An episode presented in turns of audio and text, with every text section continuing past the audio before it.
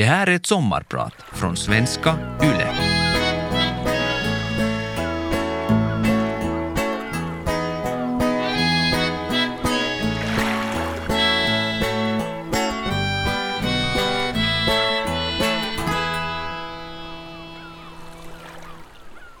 Vid sidan av planen gör jag mina sedvanliga rutiner för att bli varm i kroppen. Knälyft, tempoväxlingar, mjukar upp höften. Vår lagkapten Tim Sparv har varit småskadad hela våren och kommer knappast spela i 90 minuter. Rive Kanerva har sagt åt mig att vara redo för ett inhopp. Det är jag van vid. Tim brukar starta och så ersätter jag honom i andra halvlek. Men nu handlar det inte om en vanlig landskamp. Det här är den viktigaste matchen i Finlands fotbollshistoria. Jag är nervös men känner mig redo. All fotboll jag spelat i hela mitt liv, ända sedan jag började spela som femåring på sandplanen vid Trastmossens skola i Esbo, har på något sätt siktat in sig mot den här matchen. Samtidigt som jag håller kroppen varm sneglar jag mot planen. I ögonvrån ser jag hur en dansk spelare på den andra långsidan faller till marken. Det ser lite konstigt ut. Det ser inte ut som att han är inblandad i en duell. Men jag tänker att spelaren förmodligen sträckt baksidan av låret. Sånt som händer i fotboll. Men det tar längre tid än vanligt för honom att komma upp på benen igen. Småningom börjar jag uppfatta att flera av mina lagkamrater på planen ser förskräckta ut. Allt fler danska spelare samlas också vid sin lagkamrat som ligger alldeles stilla på planen. De ser uppgivna ut. Förkrossade. Jag frågar den assisterande domaren, som står nära mig, vad det är som händer. Han har en kommunikationsapparat och kontaktar huvuddomaren som befinner sig bredvid spelaren. Domaren säger att Christian Eriksen är medvetslös.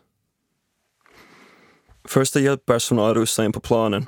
Hjärt och lungräddning påbörjas omedelbart. De danska spelarna bildar med tårarna rinnande en mur runt sin lagkompis. Vackra idrottsarenan Parken i Köpenhamn fryser den här vackra junikvällen till is. Jag, 15 000 andra på arenan och miljoner tv-tittare världen över fattar att det pågår en kamp om liv och död ute på planen. Mitt hjärta slår allt snabbare. Christian Eriksens hjärta är alldeles stilla. Jag heter Rasmus Schüller. Jag är fotbollsspelare i Djurgården och finska landslaget. Idag kommer jag ta er bakom kulisserna på den magiska EM-sommaren 2021. Berätta om hur jag uppnådde drömmen och hamnade mitt i en mardröm.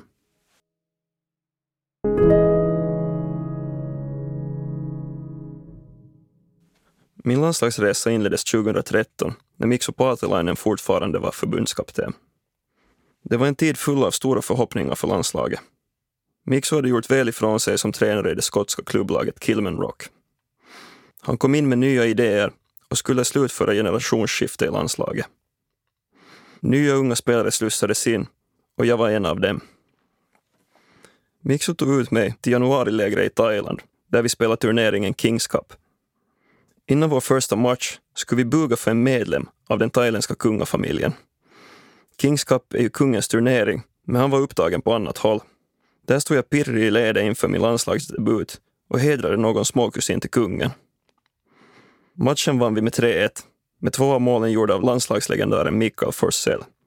Det här var ett stort ögonblick för mig, särskilt då legendarer som Taino och Väyrynen och just Forsell gjorde comeback i landslaget under turneringen. Mikso fick tyvärr aldrig ut det som förväntades av honom och när resultaten blev för dåliga byttes han ut mot den meriterade svenska tränaren Hans Backe. Backe skulle vända kursen och med hans imponerande CV fanns det optimism också i spelartruppen. Backe var dock inte förnyaren som vi hoppats på. Han försökte införa en struktur med en stark defensiv som bas. Något som måste sitta då en nation med mindre spets i spelarmaterialet vill nå framgång. Men Backe hade inte under de senaste åren aktivt tränat ett lag, utan varit fotbollsexpert på TV. Han var ringrostig i tränarrollen. Backe brukar börja våra landslagssamlingar med att säga att vi spelare skulle ta ut vårt klubblagsskip och sätta in landslagsskippet istället. Problemet var nu bara att vi inte visste vad landslagsskippet numera innehöll. Våra resultat under Backe var tyvärr bedrövliga. Under 2016 vann vi inte en enda landskamp vilket ledde till att Backe efter bara ett år som tränare fick sparken. Ersättare blev Markku Rive Kanerva. Rive hade gjort en lång karriär i bollförbundet, jobbat med tränarutbildning och även varit tränare för olika ungdomslandslag. Han kom från de inre leden och kände spelartruppen utan och innan. Rive hade haft några perioder som tillfällig tränare för A-landslaget, då tidigare tränare fått sparken och ingen ny ännu anställts. Han hade gjort det bra, men nu skulle han få sin riktiga chans. Jag kände mig glad över beslutet.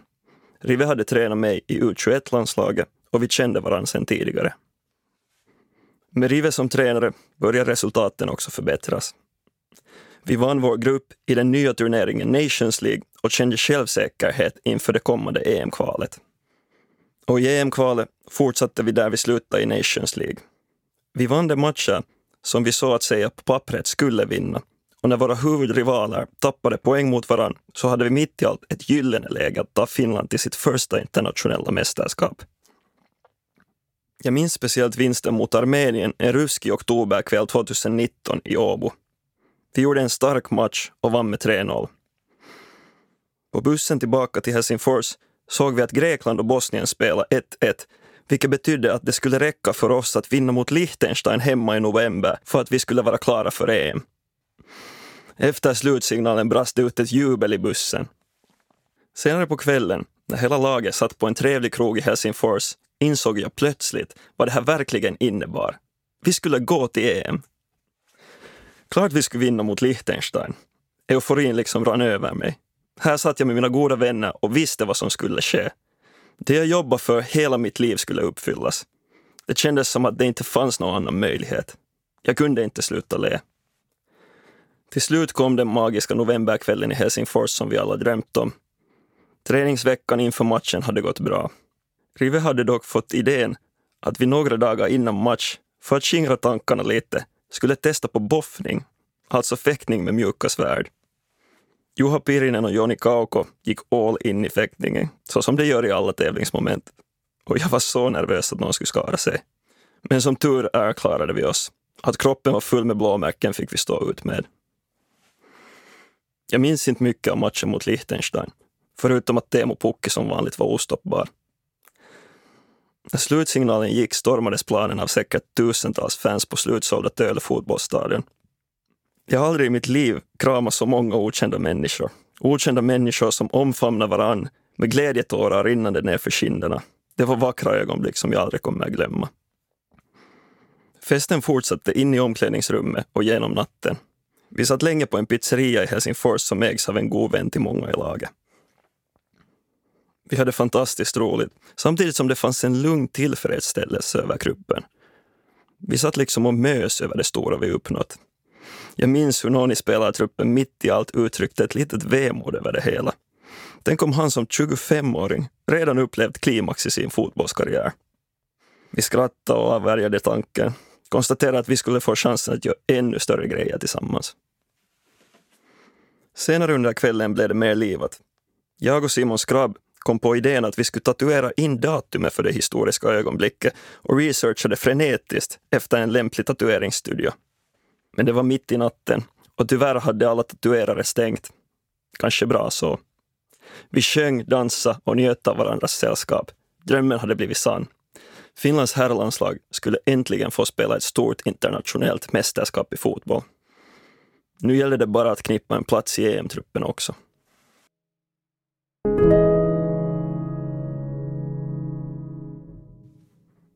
Nära där jag växte upp i Dalsvik, Esbo, finns en fotbollsplan som jag ofta gick till för att träna på egen hand. Jag brukar ställa två stycken bänkar mot varann, passa bollen i bänken, vända runt, passa bollen i motsatt bänk och vända runt igen. Det här höll jag på med i timtal, för att min juniortränare berättade för mig hur viktigt den första bollberöringen är och att man alltid på en fotbollsplan ska veta vad som händer bakom axeln. Jag beundrade Roman Eremenkos spelförståelse och hur lätt det såg ut när han spelade fotboll. Jag ville bli minst lika bra. Men då behövde jag träna. Mycket. Jag minns min tid på Dalsvik bollplan med värme. Det var en plats dit jag gick för att ha det roligt. Bara jag och bollen som jag skulle tämja. Jag minns också att jag redan då som 15-åring tänkte att det här gör jag för att någon dag ska hjälpa det finska landslaget att bli bättre. Målsättningen var alltså inte enbart att en dag spela i landslaget, utan att bidra till att höja standarden i landslaget. Jag undrar ännu idag varifrån den tanken kom. Jag slog redan som 17-åring igenom i FM-ligan och utvecklingen gick till en början spikrakt uppåt. Jag fick blodad tand och drömde om de stora ligorna ute i världen. Men efter den snabba debuten på seniornivå kom så småningom verkligheten emot. Flera säsonger gick inte alls som jag hade planerat. Min utveckling stagnerade. När jag och mina närmsta vänner tog studenten skrev jag till dem. Nu kommer vi ta över världen. Så kände jag. Att det och jag var exceptionella. Senare i livet fattar man hur hård konkurrensen verkligen är. Jag spelade ännu flera år i FM-ligan innan jag var redo att ta steget till allsvenskan i Sverige och BK Häcken. I BK Häcken spelade jag ett år innan flyttlasset tog mig till den amerikanska proffsligan MLS och Minnesota. Egentligen vet jag inte om jag spelar speciellt mycket bättre i Sverige än vad jag gjort året innan i Finland. Men i jämförelse med FM-ligan finns det i allsvenskan betydligt fler scouter på plats. Chansen att ta klivet vidare är större. Skyltfönstret är större. Minnesotas scouter såg mig på plats vid flera tillfällen och gillade vad de såg. När jag fick erbjudande av Minnesota tänkte jag att det var ett alltför spännande äventyr att tacka nej till. Jag kände att jag behövde utmana mig själv, både på och utanför planen. En vis tidigare tränare till mig har alltid sagt att man utvecklas som mest när man vågar gå utanför sin bekvämlighetszon. Och det här var verkligen en sån utmaning. Samtidigt kände jag att tåget eventuellt gått för att jag skulle få spela i de riktigt stora ligorna ute i Europa. Jag ville maxa vad jag kunde lära mig och uppleva under fotbollskarriären. I USA märkte jag snabbt att jag var långt ifrån min comfort zone. Jag hade helt enkelt svårt att anpassa mig till det nya livet. Det kändes som att komma till den stora världen, att Norden var en trygg liten bubbla. I USA finns inte samma tänk. Samhället hjälper inte individen på samma sätt i utsatta lägen. Jag hade aldrig tidigare sett så många hemlösa människor på gatorna. Människor kändes som myror i en myrstack eller kuggar i ett ofantligt stort maskineri. Alla kunde när som helst bytas ut mot en annan. För mig hade fotboll alltid varit viktigt. Men nu tävlar jag om en plats med sydamerikanska spelare vars fotbollskarriär inte enbart försörjde dem, utan också deras familj och släkt. Lagkamrater var inte lagkamrater som i Finland och Sverige, utan konkurrenter man skulle eliminera. I USA fick jag verkligen utmana mig själv till max på fotbollsplanen. Varje träning, varje match. Om jag inte var på topp hade jag inte en chans. Det utvecklade mig en massa, men efter tre år började jag känna mig sliten. Långa resor, hemlängtan och trött på att jag inte hade så mycket liv utanför fotbollsplanen. Jag hade blivit god vän med många som jobbar för klubben, men utanför kändes det ganska tomt. Jag hade så länge gått all in på fotbollens villkor att jag kände att jag behövde en förändring. Jag beslöt mig för att vända hemåt, antingen till Sverige eller Finland. Cassandra, som jag haft ett on-off förhållande med, bodde i Stockholm och jag försökte få kontrakt med ett av lagen i staden. Då det inte lyckades var det bara Helsingfors som gällde. Jag gjorde värnplikten vintern 2019-2020 och dessutom tänkte jag ta tag i mina tidigare juridikstudier på Helsingfors universitet, som jag påbörjat redan 2015. Fotbollen skulle bli mer sekundär. Jag skulle snart fylla 30 och ville lägga fokus på att få en bättre balans mellan olika intresseområden i mitt liv. Allt fick inte längre bara vara fotboll. Att sluta, det ville jag ändå inte. Det som motiverade mig var landslaget. Vi spelade allt bättre. Det kanske ännu fanns en chans att uppleva något stort inom fotbollen.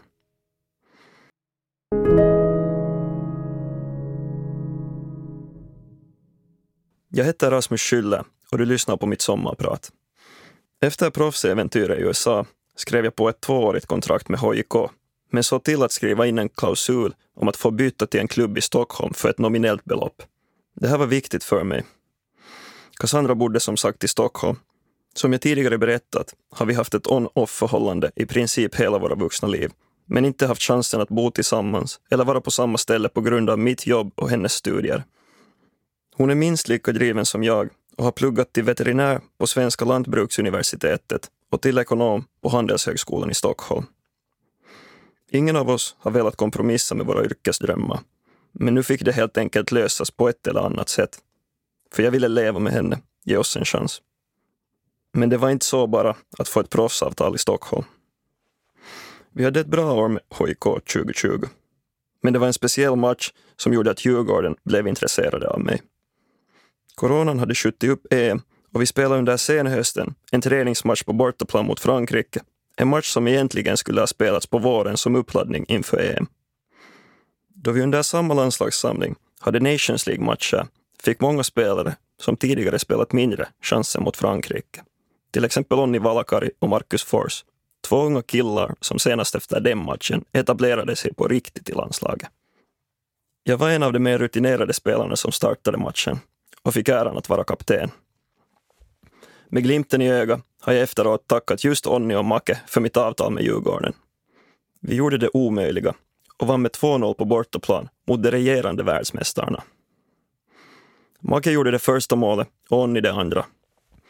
Laget, med mig som kapten, gjorde helt enkelt en perfekt bortamatch. Och Djurgårdens sportchef såg på.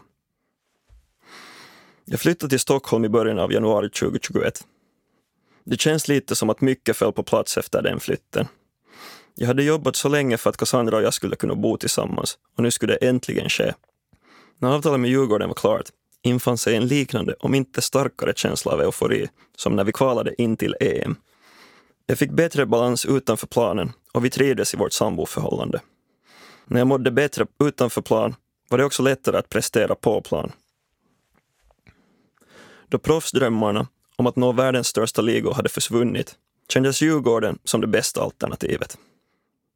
Jag fick leva med Cassandra, som jag så länge hoppats på, och ändå utmana mig yrkesmässigt i en förening och liga som var konkurrenskraftig. Jag hade hittat min plats. Jag hade också förhoppningar om att få spela i EM. EM skulle som sagt egentligen ha spelats året innan, 2020, men coronan gjorde att det sköts upp med ett år. För min del var det sett i backspegeln endast positivt. I Djurgården tog nämligen karriären ny fart.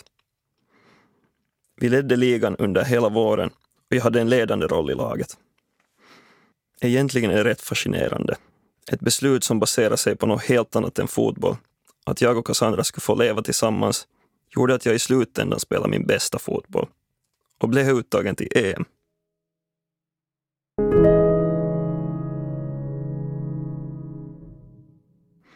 Rive hade tagit ut 30 spelare till det förberedande lägret inför EM, men det fanns bara plats för 26 spelare i den slutgiltiga EM-truppen. När vi fick beskedet om vilka som skulle bli uttagna kände jag mig glad, men samtidigt sorgsen. För några av spelarna som kämpat lika hårt krossades drömmen. En av mina bästa vänner i landslaget, Albin Granlund, blev första reserv, men ingick inte i den officiella EM-truppen. Efter beskedet satt jag och Albin länge på hans rum och snackade om livet. Vi satt också länge i tystnad, för till slut fanns det inte så mycket att säga. Att vara där tillsammans och för varann var det viktiga. Som första reserv körde han ändå med laget ända upp till första matchen i Köpenhamn. Jag fattar inte hur han lyckades hålla humöret uppe, träna på med bra kvalitet och bidra till truppen, fastän besvikelsen måste ha varit enorm. Jag tycker en spelare som Albin representerar det som har blivit brände för landslaget, sammanhållningen och lagandan.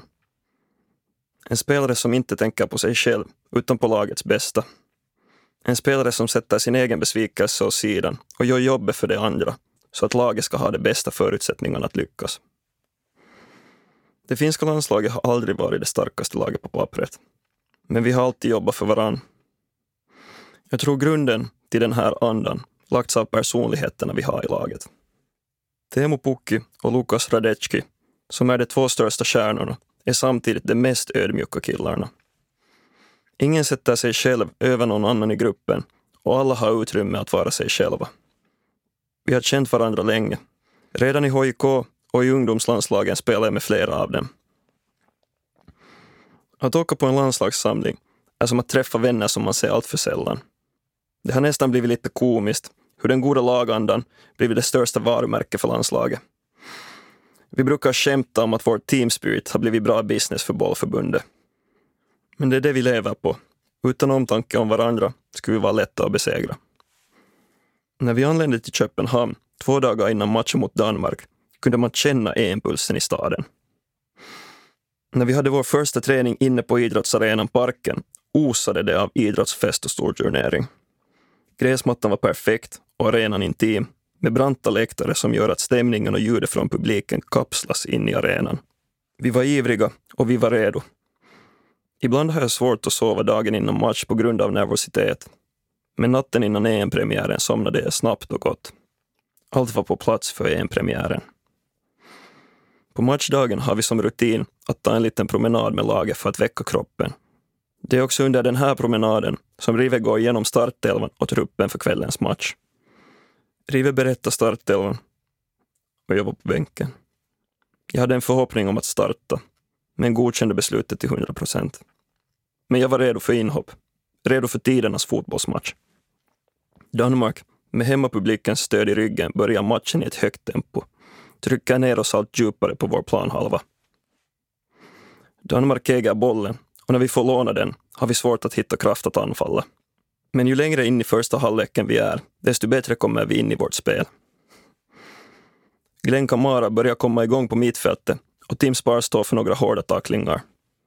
Intensiteten i matchen lugnar ner sig. När första halvlek lider mot sitt slut börjar det kännas rätt bra för vår del. Domaren börjar snegla på klockan. Vi har klarat den danska anstormningen och tagit oss in i matchen. Snart är det halvtid. En chans att snacka ihop oss och komma ut ännu starkare i andra halvlek. Jag värmer upp kroppen vid sidan av planen, mjukar upp höften, några tempoväxlingar, höga knälyft.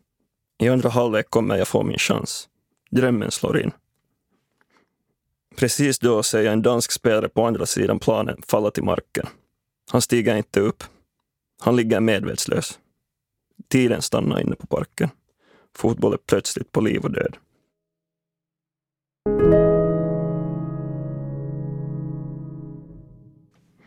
Jag minns kaoset efter att alla inne på stadion insett allvaret i situationen.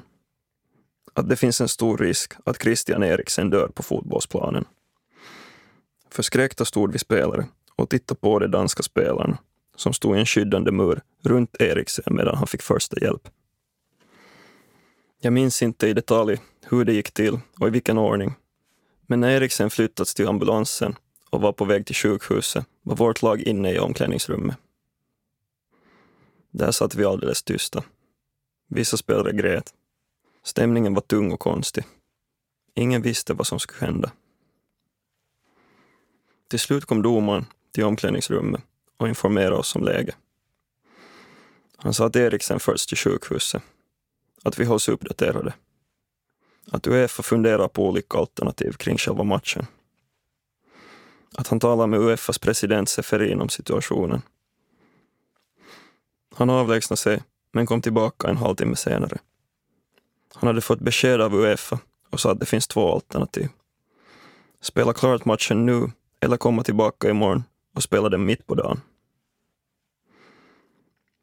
Spelartruppen var snabbt enig. Vi skulle göra så som Danmark ville göra. Det var deras lagkamrat som kämpade för livet. Det var det som var värst drabbade. Vi skulle acceptera vad det än de ville göra. Danmark tyckte att matchen skulle spelas klart under samma kväll. Vi hade fått höra att Eriksen hade överlevt. He's in the hospital. He's stable, berättade domaren. Av de dåliga alternativen som gavs var det helt enkelt bäst att spela klart. Nu gällde det att komma igång igen. Vi var alla fortfarande chockade. Vår assisterande tränare Mikko Nurmela peppade oss att koncentrera oss på fotbollen. Situationen var skit för alla, men han insåg på något sätt att det bara blir värre om man inte var redo att ge 100 procent. Han manade på, försökte peppa oss att väcka varandra från den trans vi gått in i för att spela en fotbollsmatch måste man vara fokuserad. Man måste vara i nuet. Men mina tankar russade hit och dit. När vi kom ut på planen igen tog fansen emot oss med kärlek och värme. När Danmark kom in ställde vi oss på rad och applåderade de danska spelarna tillsammans med publiken. Många av dem såg vilsna ut. Jag kände en solidaritet med mitt motståndarlag som man vanligtvis inte gör. Samtidigt tyckte jag synd om dem. Det kändes inte bra att snart gå in med full satsning i dueller och till varje pris kämpa om en vinst i matchen. Men matchen skulle fortsätta och när den väl började fortsatte Danmark trycka på. Plötsligt lyckades vi ändå skapa ett mönsteranfall. Bollen spelades från vår målvakt Luke upp till försvaret och vidare i ett vackert passningsmönster genom Danmarks mittfält. Ut till vänsterkanten där Jere Uronen slog ett fint inlägg som Joel Pohjanpalo nickade i mål. Vi ledde. Matchen hade vänt. Snabbt efter vårt ledningsmål signalerade Rive att jag skulle in. Jag kände mig i en ny sorts trans. Med adrenalin rusande i kroppen försvann tankarna på tragedin med Eriksen. Nu var det bara fotboll som gällde. Jag kom in och tog för mig, duellerade och rensade undan bollar på mittfältet. Vi spelade kompakt och danskarna började bli allt mer desperata. De hittade inte igenom vårt försvar. Och när domaren blåste av matchen var skrällen ett faktum. Luke hade stått för en straffräddning och jag vet inte om vi förutom målet hade ett tillskott på mål. Men sån är fotbollen. Vi hade vunnit. Vunnit herrlandslagets allra första mästerskapsmatch. En märklig känsla infann sig. Jag kände mig inte speciellt glad, fast jag nog samtidigt var det. Jag hade svårt att uppfatta vad jag egentligen kände. Jag gick fram till de danska spelarna som låg på marken för att trösta och tacka för matchen. Det kändes respektlöst att fira samtidigt som deras lagkompis låg på intensiven. Vi tackade publiken. Det var många finländska supportrar på plats. De hade hanterat den märkliga situationen på bästa möjliga sätt. Visat respekt både mot de danska fansen och spelarna samtidigt som de stöttat oss. När jag kom närmare de finska supportrarna såg jag Cassandra och mina systrar i publiken. Då brast det för mig. Tårarna började rinna ner för mina kinder. Jag vet inte helt varför. Eriksen hade överlevt. De danska och finska supportrarna sjöng och ropade Eriksens namn tillsammans. Vi hade vunnit matchen. Allt var väl egentligen ganska bra, men ändå rann tårarna. Det var inga glädjetårar. Det var helt enkelt bara skönt att släppa taget och låta känslorna flöda.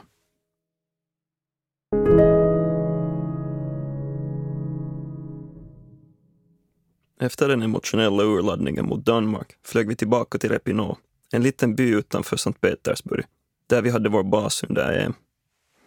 Det var speciellt att bo i Repinå eller Kuokkala som byn hette på finska. Repino befinner sig på Karelska näset och det var finskt tills det förlorades i kriget. Naturen i Repino såg ut som i Finland, men förutom det kändes allting väldigt ryskt eller sovjetiskt. Vi hade okej okay faciliteter, nära till träningsplan nära till Sankt Petersburg där vi spelade våra två följande matcher. Men vi kände ingen puls av VM i Repino, Inte i Sankt Petersburg heller. Vi bodde i en rysk skog som tidigare varit finsk och på grund av coronan så var vi isolerade på hotellet. Risken för coronautbrott i truppen var hela tiden närvarande och vi skulle hålla coronabubblan intakt, fokusera på nästa match. Under vår traditionsenliga promenad under matchdagen presenterar Rive startelvan. Han hade gjort en förändring. Jag var i startelvan och skulle spela istället för småskadade Tim Sparv. Ett glädjebesked som samtidigt kändes lite vemodigt. Tim är otroligt viktig för vårt lag och jag hoppades att han skulle kunna spela varenda match. Samtidigt som jag förstås själv också ville spela. Att spela med oss samtidigt på plan var något som Rive sällan valde eftersom att vi i landslaget fyller ungefär samma roll. Matchen mot Ryssland påminde om matchen mot Danmark förutom att vi gjorde mål efter fem minuter. Vi lyckades i vår press och vann bollen högt på Rysslands planhalva. Jukka Raitala slog ett vackert inlägg som Jolle Pohjanpalo nickade in om möjligt ännu vackrare. Otroligt. Jag tänkte att detta är för bra för att vara sant. Vilken drömstart. Vi tappar sällan ledningen i våra matcher. Nu skulle vi ro hem detta. Göra succé. Men till vår besvikelse skulle målet videogranskas och dömas bort. Jolle hade varit offside med typ en centimeter. Minst sagt bittert.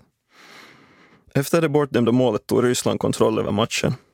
Det bytte kant om och om igen och vi fick springa från sida till sida på mittfältet. Och när vi fick kontroll över bollen så var våra anfall för korta. Vi blev nedtryckta. För baktunga för att spela ett effektivt passningsspel. Vi kunde inte vila med bollen. I mitten av första halvlek vann Glenn Kamara bollen på mittplan och stötte den fram till mig. Situationen uppstod snabbt. Jag hade inte hunnit orientera mig och när en rysk spelare plötsligt dök upp bakom min rygg kunde han vinna bollen tillbaka. Det blev en kontring på en kontring. Det är något av de farligaste lägena i fotboll, för försvaret är ofta så oorganiserat just i de sekvenserna. Ryssland tog vara på situationen och lyckades göra ett fantastiskt mål. Det kändes som ett knivhugg. Jag hade tappat bollen och det resulterade i ett baklängesmål i en minst sagt betydelsefull EM-match. Jag och vi måste studsa tillbaka snabbt, men vi lyckas inte. Vår formation och taktik var utmejslad för att hålla tätt bakåt och när vi tvingades satsa på offensiven hade vi det svårare. Matchen var en stor besvikelse. Efter vinsten mot Danmark hade vi satt oss i ett gyllene läge att avancera till åttondelsfinal, men vi kammade noll och nu var vi tvungna att ta poäng i den sista gruppspelsmatchen mot Belgien. Ett landslag som inför EM rankades som världens bästa. Jag visste att jag skulle få utstå kritik efter matchen mot Ryssland. Det var helt enkelt lätt att peka finger efter att jag tappat bollen. Det duggar tätt med analyser från finska fotbollsexperter som hävdar att jag inte är tillräckligt bra för att spela EM. Människor på sociala medier spred kommentarer om att jag var värdelös. Det kändes självklart tungt. Jag tänkte på något som jag tidigare tänkt på när jag tvivlat på mig själv. I livet är det bättre att försöka, misslyckas och ta lärdom av sitt misslyckande än att inte försöka alls. Jag gjorde vad jag kunde och jag kan se mig själv i spegeln utan att skämmas.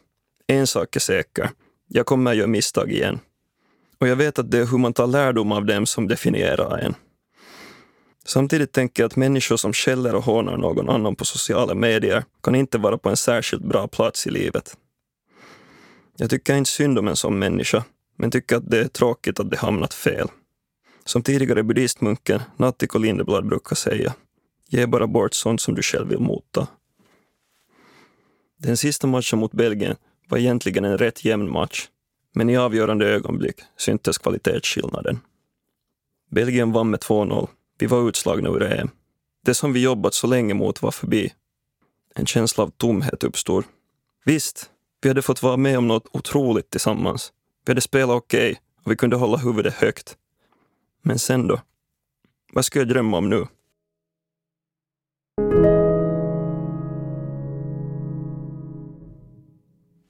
Jag tänker ofta tillbaka på kvällen då jag och mina landslagskompisar satt och mös i pizzerian efter att vi kvalat in till EM. Om hur vi snackade om att göra ännu större grejer tillsammans. Och det är jag säker på att Finlands herrfotbollslandslag kommer att göra i framtiden. Men just för den här gruppen av spelare var det nog klimax. Att först kvala in till EM och sen faktiskt kämpa om en slutspelsplats i själva turneringen. För oss blir det inte bättre än så här. Och det är ju inte så lite. Tänk att ha fått vara med och inspirera kommande generationer att göra det ännu bättre. Jag är så tacksam för att jag fick vara med på den här resan med just de här människorna. Och så är jag glad att Christian Eriksen har repat sig och tagit sig tillbaka till fotbollsplanen. Många av de tongivande spelarna i vårt lag har nu lagt av. Nya kommer in och det som fortfarande hänger med av det gamla gänget får ta ett större ansvar. Det är så fotbollen funkar. Det känns otroligt att jag själv snart spelat tio år i landslaget. Vart har åren gått? Det känns vemodigt men bra. Allt har sin tid.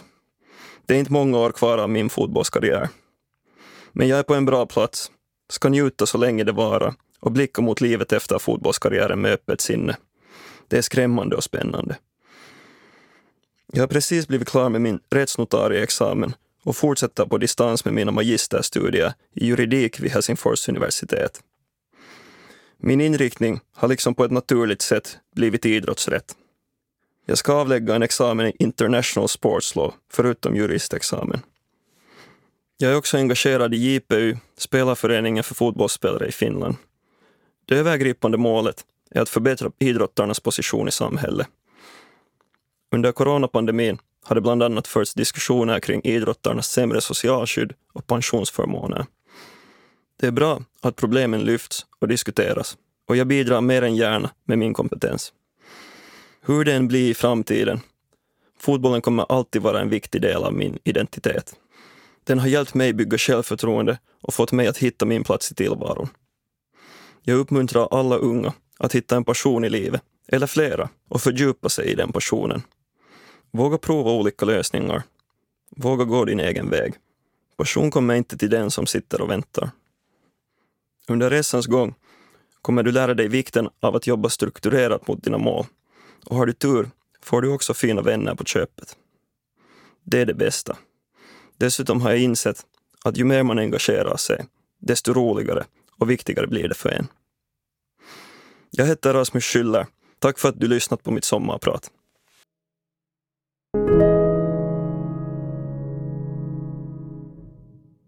Vegas sommarpratare produceras för Svenska Yle av Parad Media.